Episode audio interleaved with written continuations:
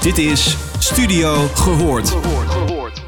Waarin alles wordt besproken dat in menige organisatie onbespreekbaar is. Uw gastvrouwen zijn Jorine Beks en Orlie Polak. Welkom uh, luisteraars. Het is weer tijd voor een uh, mooie podcast. Jorine en ik zitten in de studio met Annemarie Timmermans. Zij is trainer, spreker voor bedrijven en deskundigen. Auteur van het boek In 10 stappen verbindend adviseren en Geef veiligheid wortels. Daarnaast is zij initiatiefneemster van Rock en Roll, columniste van Femke Fataal en werkt al meer dan 35 jaar in het veiligheidsdomein. Vandaag gaan wij praten over haar eh, laatste boek, In 10 stappen verbindend adviseren. En wij willen natuurlijk weten, wat is dat? Ja, wat is verbindend adviseren? Voor mij is dat eigenlijk heel simpel. Dat is op zo'n manier adviseren dat je, ongeacht of je het met elkaar eens bent of niet, wel goed met elkaar in gesprek kunt blijven. Dat is het aan de ene kant. En aan de andere kant is het dat op het moment dat jij bij een bedrijf of bij een afdeling of bij een nieuw iemand in een bedrijf binnenstapt, dat je er dan eigenlijk per definitie van uitgaat dat je op 1-0 achterstand staat wat betreft het vertrouwen. Want heel veel mensen hebben nog steeds moeite met een veiligheidskundige die binnenkomt stappen of een arbeidshygiënist. En vinden het vaak lastig om dan jou al gelijk in vertrouwen te nemen. Dus wat het dan voor mij is, is dat als ik, als ik zeker weet dat ik maar heel kort met iemand te maken ga krijgen in een bedrijf, en dat, dat is nog alles vaak, dat ik dan zoiets heb van in mijn instelling me zo opstellen en zodanig verbinding te maken met iemand, dat die ander bereid is om binnen vijf minuten, en dan zeg ik altijd, zijn shit tegen mij te vertellen. Dat hij bereid is om datgene te vertellen waar hij twijfels over heeft, wat hij moeilijk vindt, waar hij tegenaan loopt. Want ja, al die leuke verhalen, die zijn prima om te horen ook. Als ik een verandering op gang wil helpen brengen in een bedrijf, dan is het belangrijk dat ik weet waar het niet goed gaat. Ja, wat ik interessant vind van verbindend adviseren, is dat het ook ergens bijna een soort botsing heeft.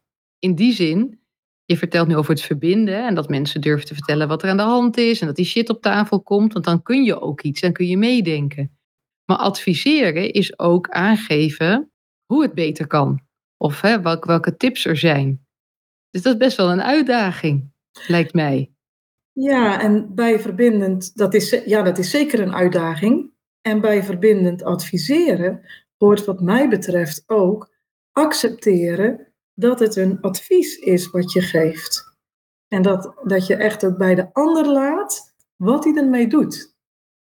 En is voor jou dan, als je verbindend adviseert, dat je bezig bent dat, dat diegene ervoor open gaat staan? Want je zei in het begin net ook, hè, dat je dus elkaars mening respecteert of accepteert dat je anders denkt.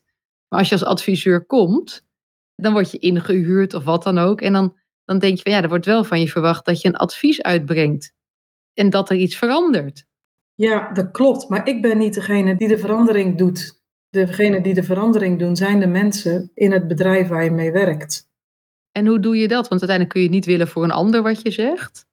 Maar je, hebt dan, je komt zo'n bedrijf binnen en dan heb je een gesprek en dan heb je alle shit op tafel. Ik geloof zeker dat jou dat lukt. En ik denk nog wel sneller dan, dan vijf minuten hoe ik jou eh, zo meemaak. En dan?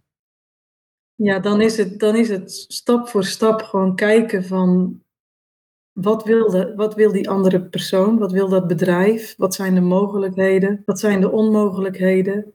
En echt heel stap voor stap kijken, kleine stapjes maken. En wat ik ook in mijn boek heel duidelijk beschrijf, ik noem dat onder, ondernemingsgericht bezig zijn, dat je ook risico en risicobereid zijn. Een van de grote valkuilen als uh, preventieprofessional is dat je zo ongelooflijk veel onderwerpen op je bordje hebt liggen en op het bord van het bedrijf ligt, waar je iets mee kan en zou willen doen, dat je onmogelijk alles tegelijk aan kunt pakken. Dus je moet kiezen. Nou ben ik niet zozeer van het woord moeten, maar als je niet kiest, en dat is wat ik ook heel veel preventieadviseurs zie doen, preventieprofessionals, is dat ze te veel dingen tegelijk aan willen pakken. Dan gebeurt er niks. En dan gebeurt er niks bij het bedrijf. En kijk, als adviseur, omdat het dan je métier is, je, je specialiteit, kan je misschien wel tien onderwerpen, ik noem maar iets, hè, tegelijk aan om daar adviezen over te geven. Maar misschien heeft het bedrijf maar ruimte voor twee. Financiële ruimte, maar ook in hun manier van denken, in of ze openstaan daarvoor, of ze al ja, bereid zijn om te veranderen. Dat kost meer tijd, dat kost, dat kost denkcapaciteit, het kost van alles. Maar als je dus steeds dan dat verschil blijft handhaven, dus stel, stel dat je dus inderdaad die tien adviezen daarop gaat sturen, terwijl het bedrijf maar ruimte heeft voor twee, ja, dan ben je niet verbindend aan het adviseren. Nee, dan word je misschien de irritante, bedweterige externe, die ook weer gaat vertellen wat er allemaal niet beter moet. En dan wordt het een olifant die ze nooit gaan opeten. Ja, Wat mooi. En, alleen- ja. En hoe ga je dan om met ehm, het brengen van slecht nieuws? Ik heb ook wel eens dat ze de shit bij, eh, bij mij op tafel gooien. Eh, en dat wordt dan door eh, poppetje X gedaan. En dan moet je naar poppetje Y, want die is de manager, vertellen wat de shit was bij X. En ik heb geregelmatig dat poppetje Y dan boos wordt. Ja, ja, hoe doe ik dat precies? Ja, sowieso ga ik er heel erg van uit dat, dat mensen het goede willen. Dat is al eh, een uitgangspunt van mij. Niemand wil een ongeluk, weet je wel? En iedereen wil dat het veiliger eh, en gezonder gaat worden. Het tempo daarin kan verschillen en de onderwerpen ook, hè, die belangrijk gevonden worden. Maar dat is wel mijn uitgangspunt. En natuurlijk klopt dat niet altijd. Hè? Ik stoot ook wel eens mijn neus. Maar wat dat al mijn uitgangspunt is, en als ik dan ook nog eens, en ook mijn uitgangspunt is ook dat iedereen dus van goede wil is, en dat het niet hun schuld is dat dingen niet gebeuren. Want dat voelen heel me- mensen heel vaak, dat ze dan daar schuld aan hebben. En ik denk, ja, er zit helemaal geen schuld achter. Want ja, wie sowieso, wie is er dan de schuldige? Hè? Het, het zit hem vaak in het systeem. Dus ehm, ik probeer het heel erg los te koppelen van, van, van een schuldvraag. Ik probeer gewoon heel feitelijk dan aan te geven van, goh, eh, vanuit mijn vakgebied, vanuit mijn expertise zie ik dit of dat. Volgens, zeker in de tijd dat ik nog echt eh, adviezen gaf, eh, dan haalde ik er een enkele keer ook wel de wet bij. Van, nou ja, vanuit de wet zou je eigenlijk dit of dat moeten. En ik adviseer je om eh, deze stappen te volgen. Dus ja, dus dat, dat was vaak mijn weg. Gewoon om, om niet, te, niet over het woord moeten te hebben. Kijk, mijn boek Geef Veiligheid Wortels. Het woord moeten komt er niet eens in voor. Ik heb eh, mijn nieuwe boek eh, In 10 Stappen Verbindend daar niet op gecheckt trouwens. Maar dat eerste boek wat ik speciaal geschreven heb voor het eh, MKB-bedrijf. Ja, daar komt het woord moeten niet in voor. Omdat dat zo'n allergiewoord is voor mensen. En dat dus op het moment dat jij als preventieadviseur ook woorden als moeten en u dient en dat soort zaken gaat gebruiken, ja, dan raak je gelijk een rode vlag. Nou, dan is die verbinding weer weg. Maar wat je aangaf, wat Orly net zei, ongeacht of je nou moeten gebruikt of dienen, op het moment dat poppetje X of meneer, mevrouw, wie dan ook, jou iets heeft verteld waarvan je denkt, ja, daar moet je wel wat mee als organisatie. Dan zeg je het niet, maar je denkt, goh, ja, het moet toch, moet toch hè, vanuit intrinsiek moeten, hè, dus willen, die manager in beweging krijgen. En hoe doe je dat?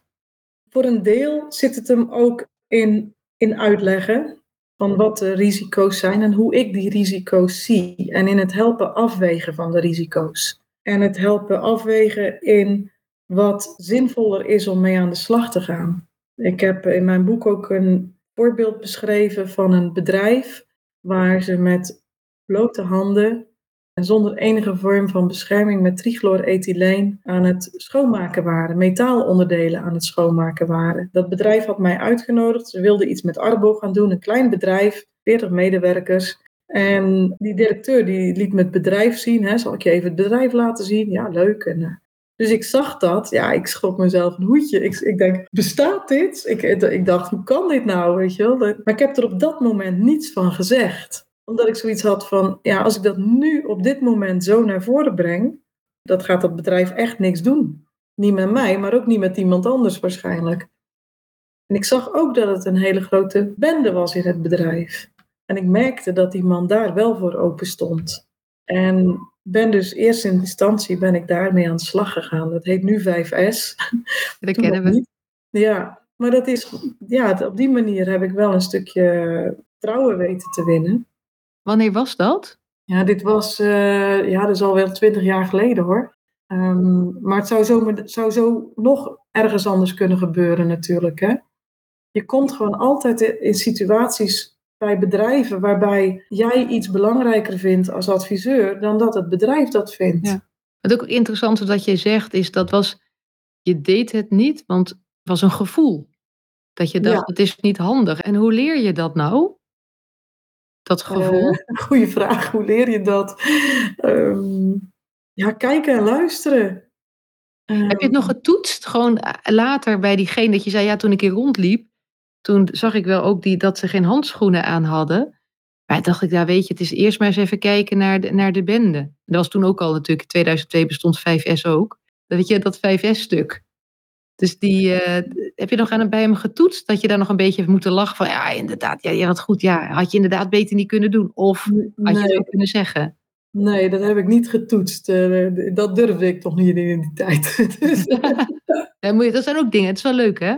Ja, zeker leuk. Nee, dat, dat soort dingen vraag ik tegenwoordig wel uh, regelmatig. Ga ik wel gewoon open en eerlijk dat gesprek in. Ik heb daar natuurlijk zelf ook een enorme weg in, in bewandeld. En uh, in het voorgesprek was ook de vraag van ja, weet je, hoe ben je daar nou zo aan toe gekomen om, om over verbindend adviseren, weet je, om, om dat te gaan doen? Ik, eh, mijn eigen persoonlijke ervaringen met onveiligheid, die hebben daar, en de manier waarop ik daar doorheen gekomen ben, die hebben daar wel degelijk een rol bij gespeeld. Ik heb zelf een heel ander vlak van veiligheid meegemaakt wat het doet met je als je dus met mensen te maken krijgt die er niet op uit zijn ja, om verbindend te adviseren, maar die er dus ook niet op uit zijn om te kijken hoe ze jou het beste kunnen helpen. En ik vind in mijn rol als, als adviseur, dat is gewoon het allerbelangrijkste. Hoe kan ik die, dat bedrijf, die mens in dat bedrijf, ongeacht de rol die die heeft, verder helpen? Ja, mooi. Hoor een hele sterke relatie met uh, waar Jorine en ik natuurlijk heel erg mee bezig zijn. En dat is psychologische veiligheid. Want het lijkt wel alsof de schuldvraag ook een soort schaamtegevoel aanwakkert, waardoor iemand dichtklapt. Is, is dat iets wat jij observeert? Dat, ja, daarmee sla je de spijker op de kop. Op het moment dat er inderdaad die schuldvraag. Ik heb dat zo vaak al zien gebeuren. Dat dat, dat gebeurt. Dat er, en dat mensen dichtklappen en niet durven. En ja, je noemt het schaamte. Ik denk dat het ook een soort van schaamte is. Heel veel mensen weten natuurlijk inmiddels best wel dat van hen verwacht wordt dat ze veilig en gezond werken. En daar hebben we dan allemaal prachtige regels voor en procedures enzovoorts. Maar puntje bij paaltje zijn het mensen die tegen onzekerheden, tegen, tegen twijfels aanlopen. En op dat moment moeten beslissen: leg ik het werk stil of niet? Ga ik nog wel even terug naar de zaak om de juiste spullen te halen of niet? Ga ik nou tegen mijn, de klant, waar ik uh, op hoogte moet werken en waar de klant niet, zoals beloofd, de goede spullen heeft gegeven, zodat ik veilig op hoogte kan werken, ga ik die klant dan aanspreken of niet? En kijk, dit gaat dan voor medewerkers, maar voor preventieadviseurs, voor preventieprofessionals gaat dat natuurlijk net zo. Maar hoe helpen we mensen over de schaamte heen? Want dan kunnen we praten over psychologische veiligheid, denk ik. Ik vind het altijd heel erg belangrijk om mijn eigen kwetsbaarheden daarin net zo goed te laten zien. Dat ik net zo goed, ook al ben ik veiligheidskundige, gewoon af en toe de bietenbrug op ga en onveilige dingen doe. En dan leg ik ook uit wat maakt dat ik tot dat onveilige gedrag ben gekomen en wat het mij geleerd heeft. Dus dat vind ik heel erg belangrijk. We zijn, weet je, ik ben in de eerste plaats zelf ook mens.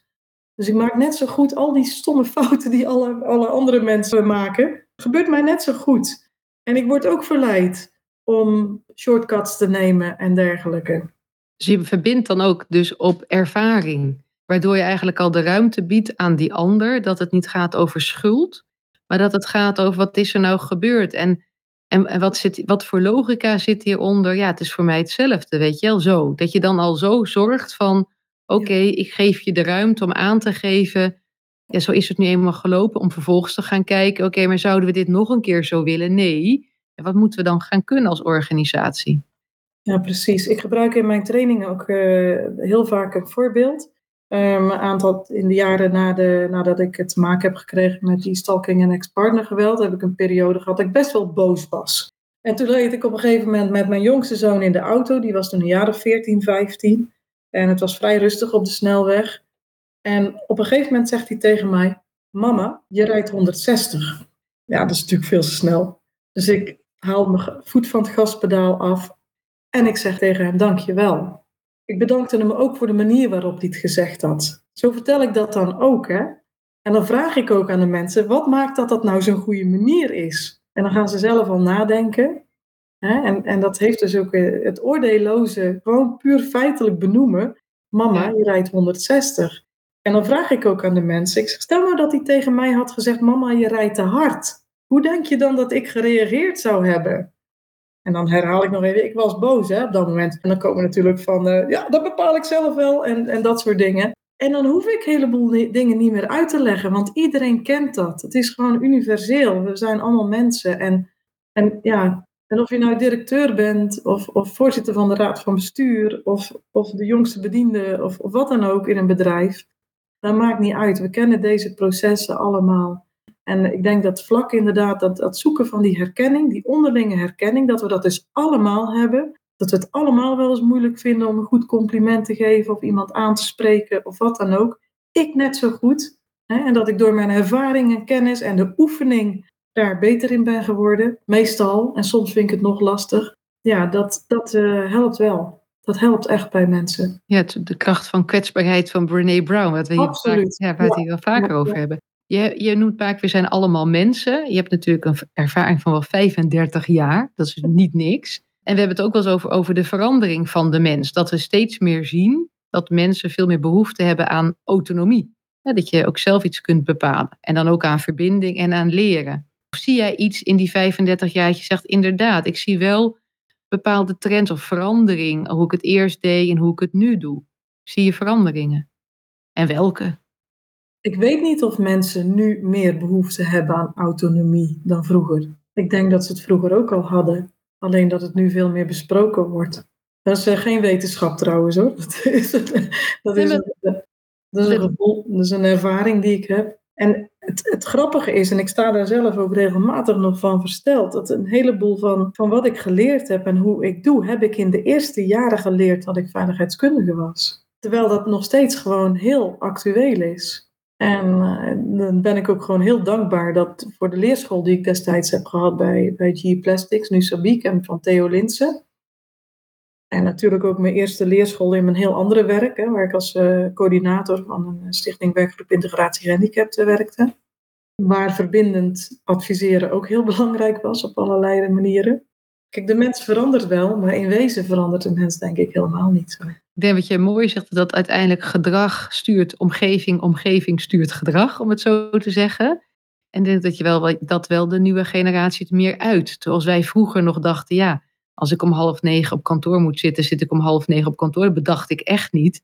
Dat ik zei, joh, ga eerst even thuiswerken, ik ben er om twaalf uur. kwam helemaal niet in mijn hoofd op. Dus het is nu ook veel meer, er is meer ruimte voor zoveel wensen, zoveel mensen. Dat zal het misschien wel zijn. Nee, ik denk dat het dat is, inderdaad. Ik denk dat het daarom gaat. Maar dat maakt het tegelijkertijd ook veel ingewikkelder voor heel veel mensen. Ik hoor vaak genoeg medewerkers ook zeggen van zeg mij nou maar gewoon wat ik moet doen. Die willen helemaal niet nadenken.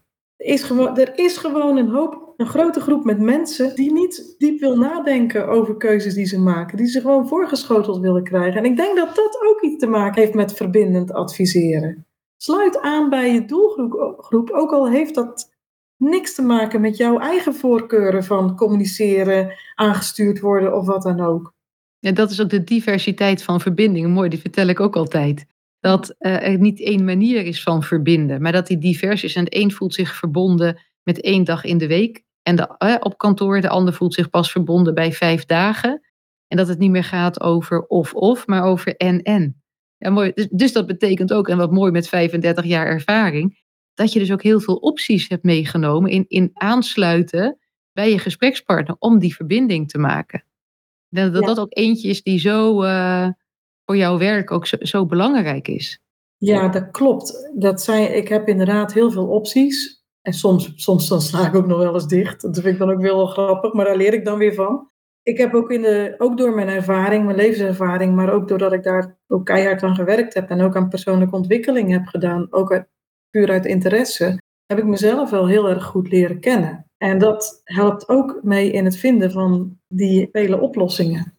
En ook in het herkennen van, is dit nou iets wat ik heel graag wil en wat ik belangrijk vind en wat aansluit bij mijn manier van hoe ik benaderd wil worden. En dien ik daar die ander mee of niet? En als ik die ander daar niet mee dien, dan is het aan mij om een manier te vinden die wel aansluit bij die ander. En eh, binnen de NLP, ik heb NLP in mijn achtergrond, uh, NLP Master. En binnen de NLP is echt een geweldige vooronderstelling. En die staat ook in mijn boek. En dat is het effect van mijn communicatie is het resultaat dat ik bereik. Ja, ik denk dat het een mooie tip is ook voor de luisteraar als eerste stap. Wat zou je nou anders kunnen doen? Wat kan ik nou doen om die verbinding te creëren? Volgens mij heb je die heel mooi verwoord.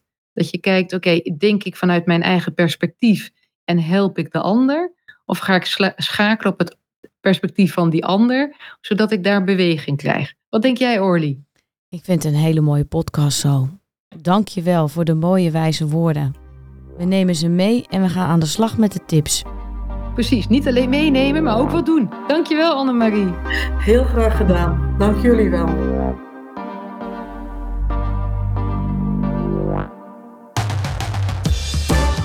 Je luisterde naar Studio Gehoord. Vond je dit een leuke podcast? Laat dan een review achter bij jouw favoriete podcastplatform. Tot de volgende!